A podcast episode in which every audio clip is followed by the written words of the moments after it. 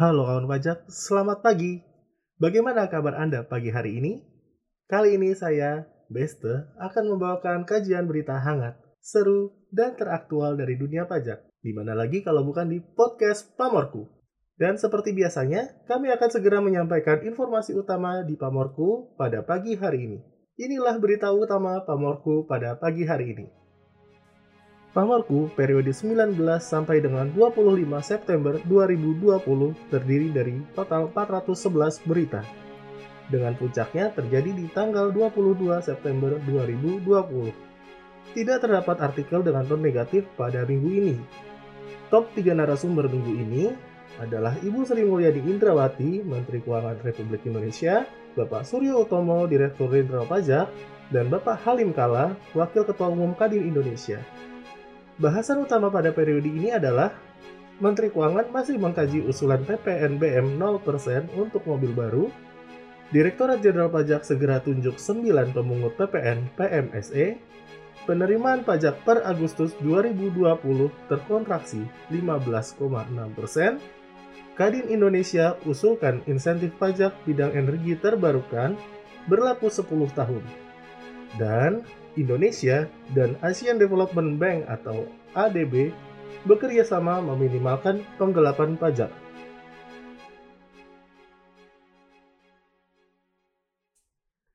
Menteri Perindustrian Agus Gumiwang Kartasasmita mengusulkan kepada Menteri Keuangan untuk merelaksasi pajak mobil baru 0% sampai bulan Desember 2020. Menteri Keuangan menyebutkan pihaknya masih mengkaji usulan tersebut dan akan berkoordinasi dengan lembaga dan stakeholder terkait. Direktorat Jenderal Pajak akan menambah 9 perusahaan digital asing ke dalam daftar wajib pungut PPN atas perdagangan melalui sistem elektronik. Direktur Jenderal Pajak, Bapak Suryo Utomo menargetkan ke-9 perusahaan baru ini bisa bergabung dengan 28 perusahaan pemungut pajak lainnya pada bulan depan. Namun demikian, nama ke-9 perusahaan tersebut belum dapat dirinci karena masih dalam proses pembahasan lebih lanjut. Menteri Keuangan mengatakan penerimaan pajak hingga akhir Agustus 2020 hanya terrealisasi sebesar 676,9 triliun rupiah atau 56,9 persen dari target Perpres nomor 72 tahun 2020. Realisasi itu juga anjlok 15,6 persen dari periode yang sama tahun lalu sebesar 802,5 triliun rupiah. Wakil Ketua Umum Kadin Indonesia bidang energi terbarukan dan lingkungan hidup, Halim Kala, memaparkan sejumlah hambatan dalam pengembangan investasi di bidang energi baru terbarukan atau EBT di hadapan Komisi 7 DPR. Salah satunya terkait insentif pajak yang kurang menarik lantaran hanya diberikan selama lima tahun. Oleh karenanya, ia mengusulkan agar insentif dapat diberikan setidaknya 10 tahun tanpa bahasan nilai investasi. Indonesia terus melakukan berbagai upaya untuk mencegah adanya usaha penghindaran dan penggelapan pajak dalam kerjasama multilateral. Oleh karenanya, Menteri Keuangan menyambut baik kerjasama antara Indonesia dengan Asian Development Bank yang dinilai dapat menjadi alat tambahan untuk mengurangi penghindaran dan penggelapan pajak. Berikutnya, kita memasuki sesi wawancara mengenai realisasi penerimaan pajak. Sebelumnya, disebutkan bahwa realisasi penerimaan pajak per Agustus 2020 mengalami penurunan sebesar 15,6 persen. Apa sebenarnya yang menyebabkan penurunan realisasi penerimaan pajak kali ini dan dampaknya bagi keberlangsungan negara? Untuk menjawab pertanyaan tersebut, telah hadir bersama kami Ibu Ani Natalia, atau yang juga biasa dikenal dengan panggilan Kak Ani, Kepala Subdirektorat Hubungan Masyarakat Perpajakan Direktorat P2 Humas. Selamat pagi Kak Ani. Selamat pagi Beste. Gimana kabarnya Kak? Luar biasa sehat, puji Tuhan. Tetap semangat ya Kak pastinya ya Kak ya. Harus meskipun, meskipun tengah-tengah pandemi gini. Iya. Nah, berbicara mengenai realisasi penerimaan pajak, tentunya kita semua mengetahui Kak bahwa realisasi penerimaan pajak per Agustus 2020 mengalami penurunan yang cukup dalam, yaitu sebesar 15,6 persen. Apa Kak yang menyebabkan penerimaan pajak terperosok tahun ini Kak? Tahun 2020 ini adalah tahun yang berat sebenarnya. Kalau kita boleh jujur dengan adanya pandemi COVID-19 ini yang mengakibatkan hampir semua sektor usaha tidak hanya di Indonesia nih ya, seluruh dunia mengalami tekanan yang luar biasa. Sehingga perekonomiannya melambat. Dan ini kita tahu bahwa perekonomian ini perekonomian global, tidak hanya di Indonesia. Dan kalau kita lihat tentunya ya, contohnya saja di Indonesia begitu bulan Maret ada yang terpapar COVID-19 di Indonesia, apa yang terjadi? Langsung ada PSBB.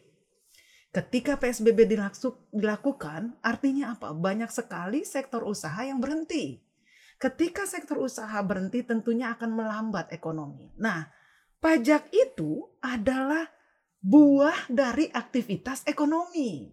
Kalau aktivitasnya stuck, berarti pajaknya juga pasti akan mengalami penurunan.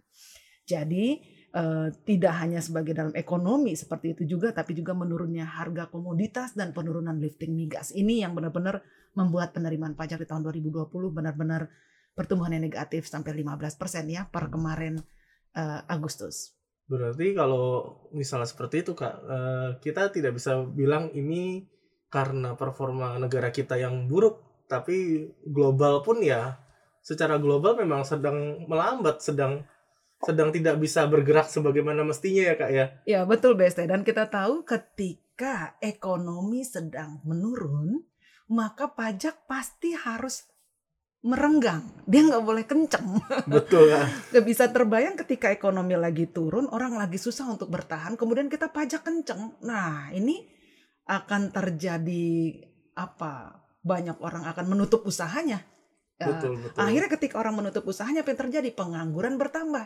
Ekonomi akan lebih terprosok dalam lagi. Makin dur, domino efeknya ke mana-mana. Domino ya. efeknya. Ya? Nah ini yang mungkin harus dipahami.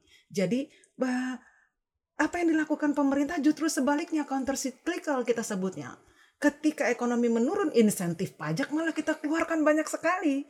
Ya, kita tahu ada insentif pajak PPH pasal 21 ditanggung pemerintah, kemudian ada Eh, penurunan uh, angsuran PPh pasal 25, pembebasan PPh pasal 22 impor, restitusi PPN yang dipercepat.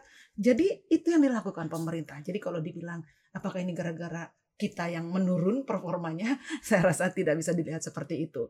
Ketika ekonomi secara melambat, melambat secara nasional, bahkan sekarang global, pajak justru harus merenggang.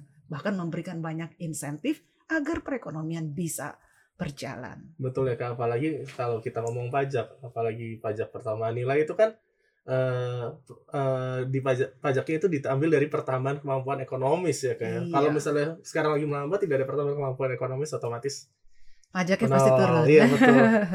Terus gini Kak, mm -mm. kan tadi kita ngomongin turunnya penerimaan pajak Kak. Kira-kira kalau ini dampaknya sama keuangan negara tuh apa sih Kak?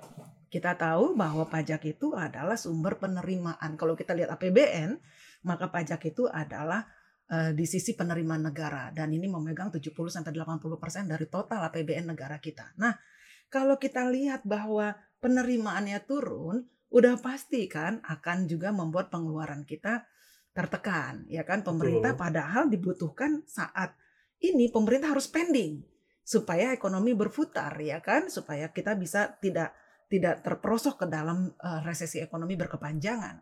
Nah, tapi karena penurunan pajak ini tentunya banyak sekali uh, pembiayaan-pembiayaan yang harus benar-benar pemerintah otak-atik nih. Nah, sekarang ini kita tahu bahwa kita menjadi defisit, ya kan? Betul. Karena pengeluarannya besar, banyak pengeluaran yang harus dikeluarkan di masa pandemi COVID-19 ini, contohnya untuk kesehatan, ya fasilitas-fasilitas kesehatan yang harus diberikan, tentunya kan berarti harus Eh, ketika penerimaan pajak tidak bisa mencukupi, makanya sekarang ada kebijakan boleh defisit kita agak melebar, diizinkan sampai 6%. Nah, ini artinya apa? Pemerintah harus mencari pembiayaan supaya pengeluaran-pengeluaran yang harus dilakukan ini harus dikeluarkan oleh pemerintah masih bisa terus berjalan.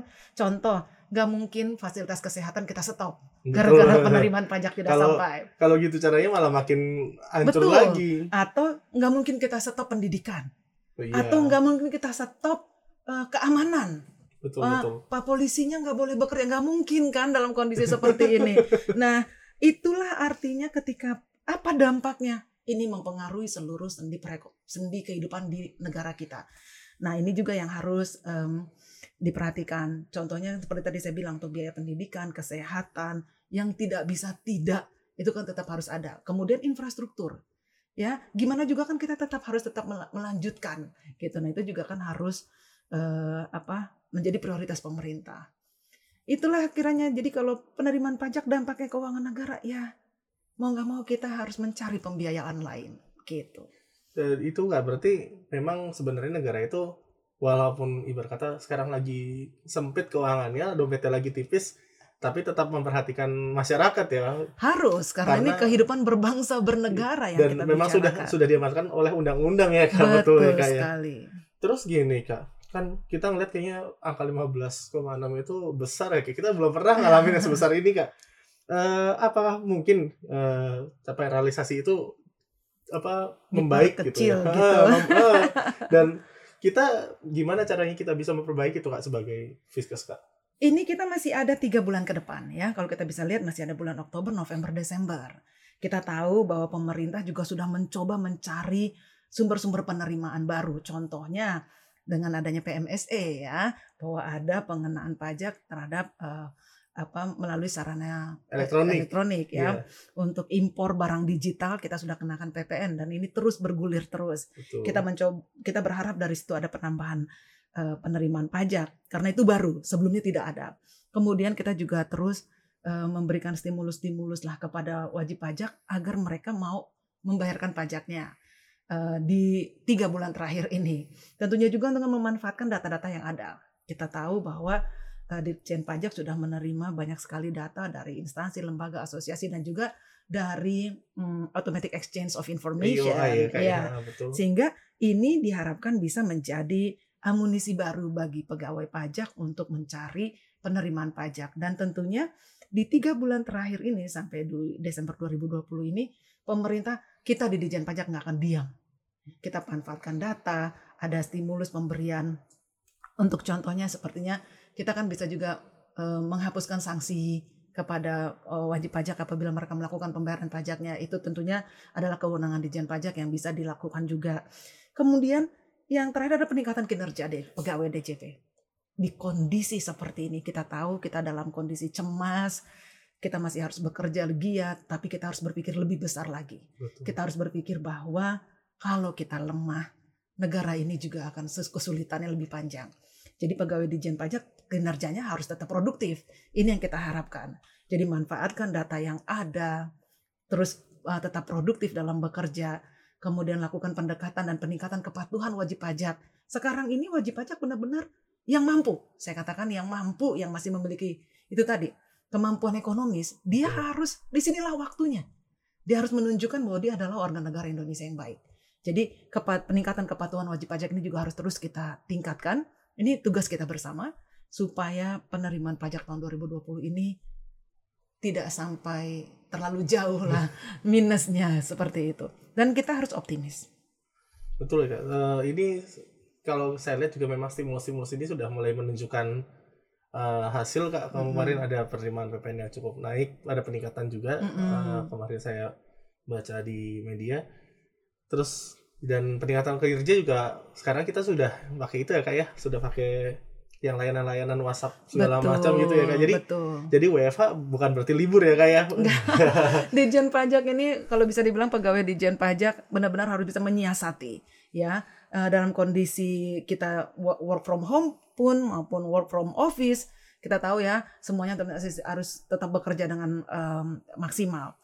Bahkan Eh, dengan adanya pandemi ini, Direktorat Jenderal Pajak sudah mengembangkan layanan-layanan yang bisa diakses uh, melalui website. Jadi uh, Dirjen Pajak sepertinya sangat membuka peluang ini. Orang nggak tahu, nggak datang ke kantor pajak, mereka bisa WA, bisa email, bisa telepon, segala macam. Jadi layanan-layanan kita harus tetap bisa jalan meskipun dari mana pun kita harus bisa melayani wajib pajak karena uh, itu tadi fungsi kita untuk pengumpulan penerimaan negara ini sangat-sangat krusial kalau uh, semena-mena melakukannya.